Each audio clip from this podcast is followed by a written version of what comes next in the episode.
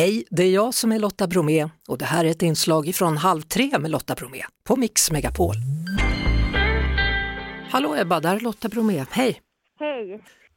Nu är det världscuppremiär i Ruka i helgen här då. Hur känns det? Du verkar vara stekhet i formen.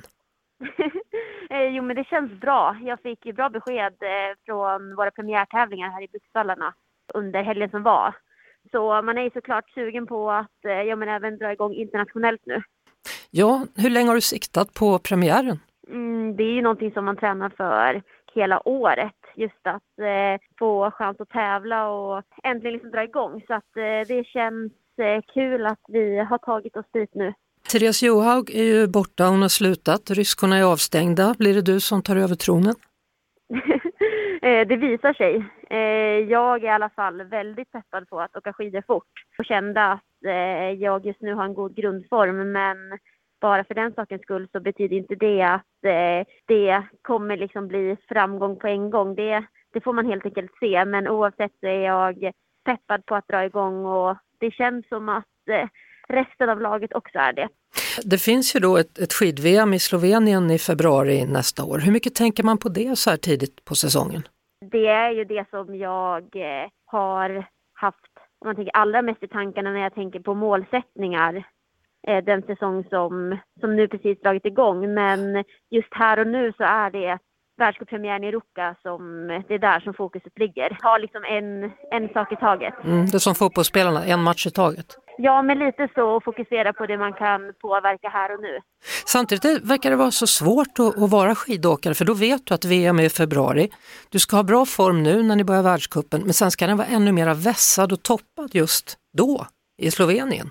Ja, det är det som är utmaningen med ja, dels längdskidor men eh, elitidrott i sig just att ha en en bra grundform men sen också kunna verkligen få till toppen när det gäller som allra mest. Mm. Men samtidigt också någonting som, som triggar en till att hela tiden försöka göra ett, ett så bra jobb man kan både här och nu men sen också på sikt.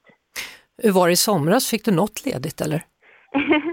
det beror på vad man klassificerar som ledigt. Men om det är ledigt från träning så har det inte varit mycket av den varan utan under sommaren så är det ju då vi verkligen förbereder oss och ja, lägger en hel del tid och energi på just träning. Det är som då det största grundlaget läggs.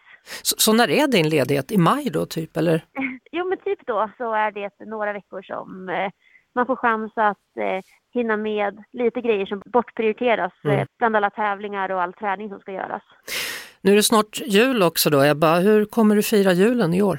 Eh, fira jul? Ja, än så länge har jag faktiskt inte hunnit tänka på det. Det har mest varit fokus på den säsong som nu precis har dragit igång.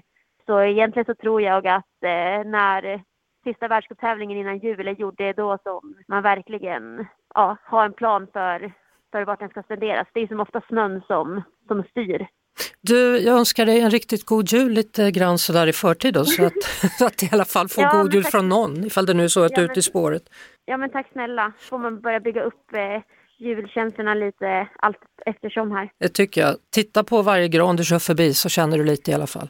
Ja men precis, jag mm. har hört att Emma hon har packat med sig glugg här i alla fall nu till eh, den här tävlingshelgen. Så vi ska nog börja i tid också. Ja det är underbart, det är första advent vet du på söndag redan.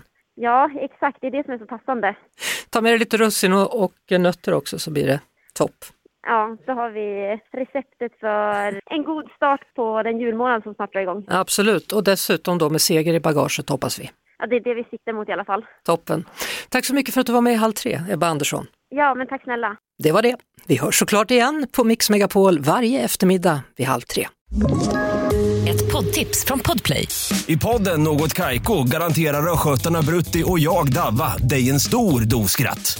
Där följer jag pladask för köttätandet igen. Man är lite som en jävla vampyr. Man har fått lite blodsmak och då måste man ha mer.